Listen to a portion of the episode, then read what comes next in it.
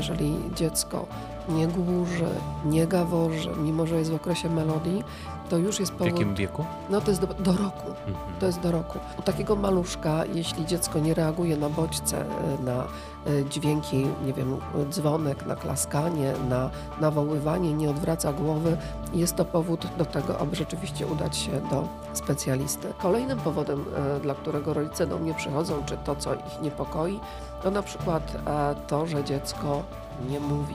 Może problem leży w formie spędzania czasu z dzieckiem. Włącz się w rozmowy o wychowaniu i edukacji. Czekają interesujący goście i ważne tematy. Zapraszam do studia Eduakcji. Piotr Sobolewski. Eduakcja. Przyszłość stworzą dzieci.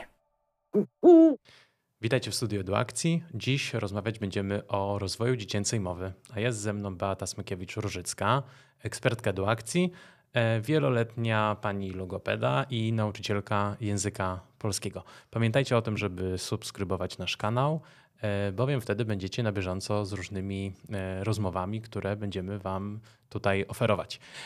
Beato, bardzo dziękuję za to, że przyjęłaś zaproszenie do naszego studia. Jak zwykle bardzo mi miło. Cześć.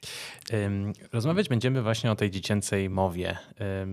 Masz bardzo bogate doświadczenie w pracy z dziećmi, które, które tej mowy nie mają wystarczająco dobrze rozwiniętej. Z czym najczęściej, z jakimi problemami najczęściej przychodzą dzieci do gabinetu logopedy, twojego gabinetu? Dzieci przychodzą z rozmaitymi problemami, właściwie e, począwszy od problemów stricte zdrowotnych, czyli tych, które odnoszą się do przerośniętego trzeciego migdała, generującego problemy ze słyszeniem, z niedosłuchami, z zaburzeniami rozwoju emocjonalnego, ale także rozwoju psychicznego, no a także ze zwykłymi zaburzeniami w obrębie sprawności aparatu artykulacyjnego, e, czy też czasem w anatomii aparatu artykulacyjnego. Kiedy najwcześniej warto wybrać się do logopedy? Nie ma takiej normy. E, Zależy od tego, z czym się borykamy. Jeżeli dziecko nie głuży, nie gaworzy, mimo że jest w okresie melodii, to już jest W powód. jakim wieku? No to jest do, do roku. Mhm. To jest do roku. To już jest powód do tego, żeby udać się do logopedy, a ten y, kieruje odpowiednio do, to znaczy kierujemy jako logopedzi w służbie zdrowia, czy nawet w gabinetach prywatnych nie mamy takich kompetencji, że możemy dać skierowanie, ale istnieje taki dokument, który nazywa się informacja zwrotna dla lekarza kierującego i tam w uwagach dla lekarza piszemy, że wskazana jest na przykład diagnoza u lekarza laryngologa. No i wtedy dziecko wędruje e, z rodzicem do laryngologa, no bo oczywiście kiedy ono e, się urodziło, miało badanie słuchu dzięki Jurkowi Owsiakowi. Wszystkie dzieci w Polsce mają testy przesiewowe, ale one nie mogą nas uspokajać, bo w drodze rozwojowej dziecka zdarzają się różnego rodzaju stany zapalne, czy to gardła, czy to kataralne, które powodują w efekcie zapalenia uszu, a te generują niestety bardzo często wysięki ropne, generują różnego rodzaju e, korki e, i to przy, przyczynia się do zaburzeń słuchu, a także w konsekwencji do problemów z mówieniem. E, więc u takiego maluszka, jeśli dziecko nie reaguje na bodźce, e, na e, dźwięki, nie wiem, dzwonek, na klaskanie, na nawoływanie, nie odwraca głowy, jest to powód do tego, aby rzeczywiście udać się do specjalisty. Drugim powodem, jeśli mówimy o schorzeniach, e, dla których warto udać się do specjalisty, poza y, y, zaburzeniami słuchu, to właśnie y, wędzidełko języka, czyli sprawność y, i sprawność jest determinowana poprawnością budowy aparatu artykulacyjnego. Y, Kiedy dziecko y, trudno sprawdzić, czy wędzidełko języka jest wystarczająco długie, czy nie. Ale kiedy ono już zaczyna przeżuwać i dlatego tak bardzo ważnym jest, żeby wyjść z etapu karmienia dziecka papkami w momencie, w którym Mhm. ono jest już do tego gotowe, czyli gdzieś po roku e, można już wprowadzać e, dużo więcej pokarmów stałych niż, niż do tej pory.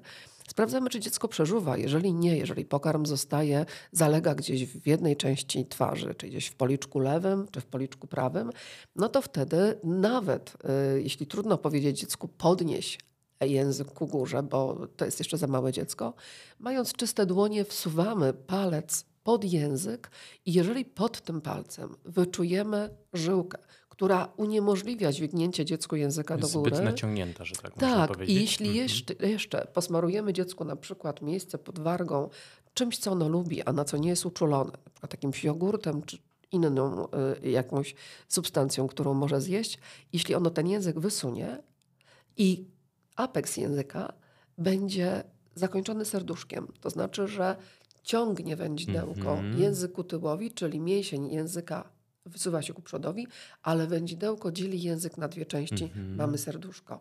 To znaczy, że jest zbyt krótkie wędzidełko języka i należy z tym udać się do laryngologa, o czym również logopeda pisze w tym właśnie Jasne. skierowaniu. E, no i to laryngolog podejmuje ostateczną decyzję. Natomiast na co chciałabym zwrócić uwagę? Bardzo często jest tak, że po zabiegu laryngolodzy nie informują rodzica o tym, że należy miejsce po podcięciu masować. Bo jeżeli zostawimy... Żeby się źle nie zrosło. Ono się hmm. zrośnie hmm. bardzo dobrze ale pozostanie potem zbliznowacenie. I to zbliznowacenie dodatkowo skraca języczek dziecku. Czyli co trzeba zrobić? W momencie, w którym już e, szwy zostaną zdjęte, czy też zależy jak one są e, zakładane, czy są to nici rozpuszczalne, czy też nie, część jest rozpuszczalna, część nie.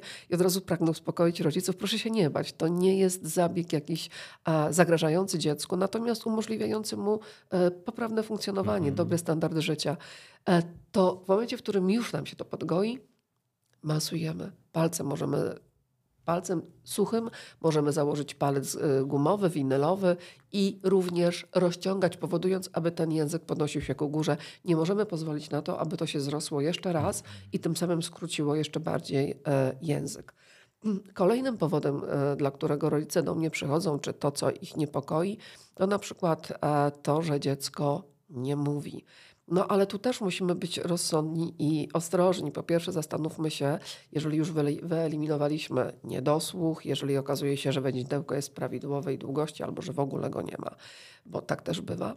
Y, I jeżeli okaże się, że dziecko jest w normie intelektualnej, to znaczy zachowuje się adekwatnie do bodźców, które do, dookoła niego y, funkcjonują, które, którym jest otoczone, no to wtedy y, może behawioralnie, może problem leży w formie spędzania czasu z dzieckiem. Mhm. Czyli czy ja, rodzic, opowiadam dziecku świat, czy ja, rodzic, bawię się z dzieckiem onomatopejami, czyli pokazuję książkę, w której mam psa i mówię hał, hał, dziecko mhm. powtarza.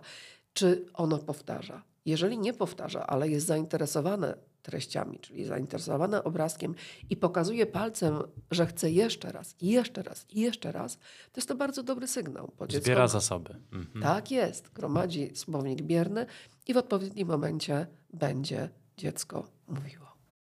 Szukasz nowych pomysłów na inspirujące zajęcia w przedszkolu? Chcesz doskonalić swój warsztat pracy? Poznaj szkolenie online EduAkcji metoda Bapi-Strauss, integracja sensoryczna, kodowanie na dywanie, zabawy paluszkowe, specjalne potrzeby edukacyjne i wiele inspiracji do zajęć z dziećmi. Wszystko w jednym miejscu, na jednej platformie online. Uczysz się tak, jak lubisz, kiedy chcesz i gdzie chcesz. Dołącz z całą radą pedagogiczną. Często rodzice wydają się nie mieć czasu, żeby spędzać z dzieckiem. W taki odpowiedni sposób chwilę. E, I wtedy co? E, odbieramy dziecku szansę na taki zdrowy rozwój tej mowy? Znaczy generalnie. E, my dorośli bardzo źle znosimy samotność, zresztą gdyby samotność nie była dojmująca, to nikt nie stworzyłby więzień. Mhm. Zatem to, co bardzo, bardzo upośledza funkcjonowanie każdego człowieka, czy to dziecka, czy to dorosłego, jest samotność. I nawet jeżeli w naszym rytmie dnia zaspokajamy wszystkie podstawowe potrzeby dziecka w postaci snu, e, w postaci pokarmów, e, w postaci bodźców, ale nie tych pochodzących od rodzica, a właśnie z tabletu, z telefonu, z zajęć dodatkowych, z zajęć dodatkowych mm -hmm. to dziecko będzie się rozwijało, ale nie w tym kierunku i nie tak, jakbyśmy chcieli. No bo jeżeli ja mam takiego maluszka przy sobie i ja z tym maluszkiem oglądam książkę, to ten maluszek czuje moje ciepło, to ten maluszek chwyci mnie za moją dłoń, za mój palec, bo będzie chciał, żebym ja pokazała jeszcze raz oko, jeszcze raz ucho, nos. Ja weryfikuję, czy dziecko rozumie, pokazując to, czego ja chcę, i dodatkowo, jakby było tego mało, łączymy się e, emocjonalnie, mm -hmm. mamy więź dziecko czuje się bezpieczne. Ja zapewniam jemu podstawową e, potrzebę bezpieczeństwa.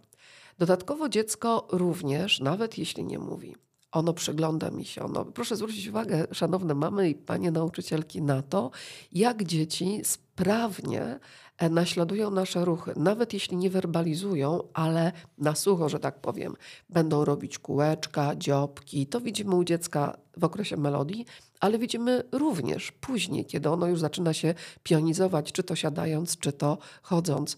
Dziecko naśladuje nasze ruchy. Oglądając bajki, e, siedząc przed tabletem, siedząc przed telewizorem, nie mają takiej możliwości. Nie ma żadnej interakcji. Poza tym zastanówmy się, czego my te dzieci uczymy. Jeżeli polski pies szczeka uf, uf, bo już hał, hał nie potrafi. Jeżeli w konsekwencji pięcioletnie dziecko na rolnika mówi farmer, a na gospodarstwo rolne farma, to chyba nie jest. A no właśnie, dobrze, że zahaczasz ten temat, yy, bo często właśnie rodzice mm, mają potrzebę edukowania swoich dzieci od najmłodszych lat obcego języka. Uczenia obcego języka. No jaka jest Twoja optyka na ten temat? To znaczy, proszę Państwa, ja, ja to rozumiem. Mhm. Ja to rozumiem. Piotrze, ja rozumiem, że chcielibyśmy wszyscy, aby nasze dzieci były wyedukowane. Wiemy, że świat jest jedną wielką globalną wioską i dziś bez języka naprawdę bardzo trudno funkcjonować. Niemniej jednak. Yy, Polskie, polski system edukacyjny nie przewiduje czegoś takiego jak wstępna weryfikacja dziecka przed przystąpieniem do nauki języka obcego. Czyli unifikujemy wszystkich, uczymy jak leci. Tak. Y, podczas gdy z językiem to nie jest taka prosta sprawa. Mhm. Bo jeżeli ja mam y, dziecko trzyletnie, które nie ma zasobu fonologicznego języka polskiego opanowanego, które ma na przykład mutyzm czy mutyzm wybiórczy, to znaczy, że nie mówi albo nie mówi wszystkich głosek. I ja wprowadzam język obcy, nawet w postaci zabawy czy, czy w postaci gier, to tak naprawdę powoduje, że to dziecko nigdy nie osiągnie maksymalnych możliwości rozwojowych języka ani rodzimego, ani obcego. Poza tym, że wymuszam seplenienie, no bo w języku angielskim seplenienie, e, czyli wsuwanie języka między zęby, e, realizowanie okay. e zamiast r jest ok. Poza tym prozodia, akcentowanie w języku angielskim przebiega zupełnie inaczej niż w języku polskim. Zatem co ja robię temu dziecku? Potworny bałagan. Oczywiście inaczej wygląda rozwój językowy dziecka w rodzinie z native'em. Mhm. Wtedy nie ma w tym żadnego problemu. Ale w rodzinie polskiej najpierw dziecko powinno mieć usankcjonowany system fonologiczny języka rodzimego. Czy to oznacza, że jesteś y, przeciwna temu, żeby w ogóle uczyć dzieci języków obcych? Nie. Czy to Nie. jest uwarunkowane? Jestem przeciwna temu, żeby y, bez względu na stan mm. logopedyczny czy gotowości do mówienia dziecka uczyć je. To znaczy uważam, że można uczyć języka angielskiego od dwulatka. -hmm. Jeśli tylko ten dwulatek ma zasób języka polskiego opanowany co oczywiście jest niemożliwe. Natomiast znam dzieci trzyletnie, które mówią bardzo czysto i tutaj nie widzę powodu, dla którego miałoby się nie uczyć języka obcego. -hmm. Natomiast... Ale też może być sześciolatek, który nie ma tego ogarniętego, Ależ prawda? oczywiście, że tak. Zdarzają mi się dzieci z mutyzmem, które prowadzę i oglądamy na przykład książki. Dziecko nie mówi, nie mówi, ono nawet mama nie mówi. I ożywia się widząc żółty kolor i wykrzykuje mi po angielsku yellow. Więc mi stają włosy dęba na głowie, bo nie może być tak, że zaburzamy naturalny proces y, rozwojowy. Z tym, że trudno mieć tu pretensje do rodzica. Mhm. Każdy rodzic chce, Jak aby oczywiście dziecka. korzysta z oferty, jaką tak. przedstawia przedszkole. Natomiast przedszkole, nie chcąc być oskarżonym o to, czy podejrzewanym o to, że ogranicza dostęp dzieciom, że stygmatyzuje dzieci i jedne mm, dopuszcza do mhm. nauki języka, drugie nie. Poza tym jest to problem organizacyjny. Co zrobić z tymi dziećmi, które w oczywiście, tym czasie angielskiego nie mają, kaskadowe prawda? Problemy, to tak. są kaskadowe problemy, ale w ostatecznym rozrachunku najwyższą cenę za to płacą dzieci. Oczywiście. Bo potem ja je dostaję sepleniące, rerające. A przejdźmy do jeszcze do jednego wątku. To znaczy często y, dorośli um, tak zmiękczają te wyrazy. Czyli nie mówią pies, a piesek, bułeczka. Yy, I co ty myślisz na ten no temat? No tak, zdrabniają, a zmiękczają, bo mówią ciu, ciu, ciu, ciu tak? Ciasteczko, mm -hmm. ciucieleczka, sukieneczka, śpadanki. No nie. No nie, im dłuższy wyraz, tym trudniej takiemu malcowi uczącemu się powtórzyć. Proszę pamiętać, że słuch fonologiczny u takiego dziecka jeszcze nie jest rozwinięty. Przewodzenie jeszcze nie jest takie, bo mielinizacja jest niezakończona. To są procesy, które trwają i które potrzebują czasu. Najnormalniej w świecie. W związku z tym, jeśli nawet coś jest bułką, lepiej będzie, jeśli powiemy dziecku buła. Czyli nie I samochód, a auto. Nie samochód, a auto. Mhm. Oczywiście, że tak. I znowu też obserwuję drugą tendencję wśród rodziców. Oczekują od dziecka zbyt wiele. Czyli mamy dziecko małe, dwu, trzyletnie, rodzic do mnie przychodzi mówi, wie pani, bo ono nie mówi szy, czy dży, tylko syzy, cydzy, nie mówi ry i tak dalej, i tak dalej. No ale takie małe dziecko jeszcze nie powinno tego mówić. Jedynym Ale czy, powodem. Aha. Wiesz, no to troszeczkę jest tak, że no, skąd mają ci ludzie to wiedzieć trochę, nie? Dlatego przychodzą do mnie mhm. i się dowiadują, że nie. Natomiast skąd wiedzą, że musi być? E, no właśnie. No właśnie, no bo internet. Internet jest mhm. źródłem takim, w którym bezkarnie różni pseudospecjaliści Jasne. mówią różne rzeczy i tu musimy filtrować. My rodzice musimy być bardzo mądrzy. Proszę pamiętać, że nawet w rodzinie e, brat i siostra mają dzieci, które będą się zupełnie inaczej rozwijały, bo mają partnerów z różnych rodzin, bo są różnego rodzaju warunkowania genetyczne, rodzinne, środowiskowe. Więc nie można uniformizować, nie można mówić, że to jest jakiś standard i norma. Oczywiście są pewne granice wytyczone, ale we wszystkim należy gdzieś zachować rozsądek i zdrowy umiar. Co jest najważniejszego według Ciebie w początkowej fazie rozwoju dziecięcej mowy? E, jedna taka rzecz, która może, to, to nie chodzi o złoty gral, prawda? Bo to no nie, nie da się wszystkiego no nie, pan załatwić jedną szukał, sprawą. Nie znalazł, tak. Właśnie, natomiast y, no, coś takiego podstawowego, bez którego nie możemy w ogóle y, myśleć o tym w zdrowy sposób.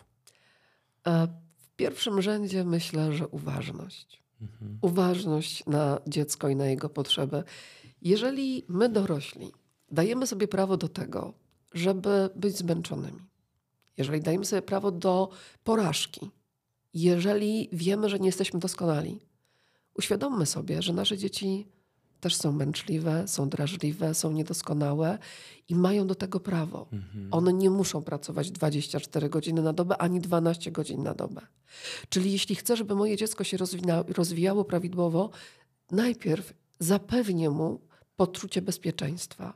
Dostanie ode mnie miłość, dostaje ode mnie dotyk, dostanie ode mnie to, co buduje wartość tego dziecka, akceptację. Mhm. Nie może być tak, że ja tylko wymagam, wymagam, wymagam, wychowuję je Mówisz w różnych instytucjach. O tych zajęciach dodatkowych. Tak? Oczywiście, proszę Państwa, to, co dla mnie e, jest tak trudne i zresztą nieraz Piotrze o tym rozmawialiśmy. Tak, tak. Bywa tak, ja, ja, pracuję dosyć długo w poradni, bo moja, moja praca kończy się o godzinie 20. I bywa tak, że przychodzą rodzice pierwszorazowo, czy też kolejny raz z dzieckiem 4-5-letnim i proszą mnie o to, abym ustaliła godzinę wizyty na 17-18. Więc ja, ja protestuję, mówię, proszę Państwa, ale to jest maleńkie dziecko, to, to, to jest za późno. Mhm. No tak, ale proszę Pani, od 7 do 15.30 jest przedszkole, potem jest fabryka kreatywności, jest gdzieś mhm. angielski, w następnym dniu e, mamy jazdę konną, szermierkę, karate, masę różnych zajęć, no, piłkę nożną. No właśnie. Ja mhm. chciałabym zapytać, jak my dorośli czujemy się pracując przez 12 godzin? I kiedy takie dziecko przychodzi do mnie na 17 czy 18, ja chciałabym powiedzieć, że dziecko czteroletnie jest w stanie skupić się wydolnie i wydajnie nie dłużej niż 4 minuty, 3,5 do 4 minut. Moja wizyta zakontraktowana przez NFZ to jest 30 minut. Oczywiście tam jakieś procedury, dokumentacja i tak dalej. Mhm. Ale to dziecko o godzinie 17 czy 17.30 jest zmęczone i sfrustrowane. I to, że ono u mnie w fotelu się rozkłada, ja mu na, na to pozwalam. Natomiast rodzic często dyscyplinuje dziecko, mówi usiądź prosto. Ja mówię, proszę pani, to, że on nie gryzie, to jest bardzo dobrze, bo ja bym gryzła. No tak, bo to troszeczkę też odbiera szansę na to, że to dziecko polubi tą pracę z tobą, nie? Ale to jest męka pańska. Bo ja jestem złym policjantem. Tak. Bo żebym ja mogła z tym dzieckiem pracować, ja muszę mieć pewne standardy i pewne warunki spełnione. Dziecko musi być uważne, musi ze mną wchodzić w interakcję, musi powtórzyć. I to jest kolejna rzecz. Nie wiem, czy sobie zdajesz sprawę, że mhm. dzisiaj dla dziecka termin powtórz jeszcze raz, jest formą takiej kary, że ona bardzo często rozpłakuje się i nie chce pracować. Dlaczego? Dlatego, że rodzice z jednej strony bardzo dużo wymagają od dziecka, z drugiej zaś nie wysyłają informacji negatywnej pod tytułem e, krzywo, niedokładnie, popraw. Mhm. I przyjmują cokolwiek dziecko robi. Dlaczego? Dlatego, że nie mają wiedzy, nie mają świadomości, albo dlatego, e, że dziecko nie ma okazji pokazać tego, co potrafi, bo ogląda bajki.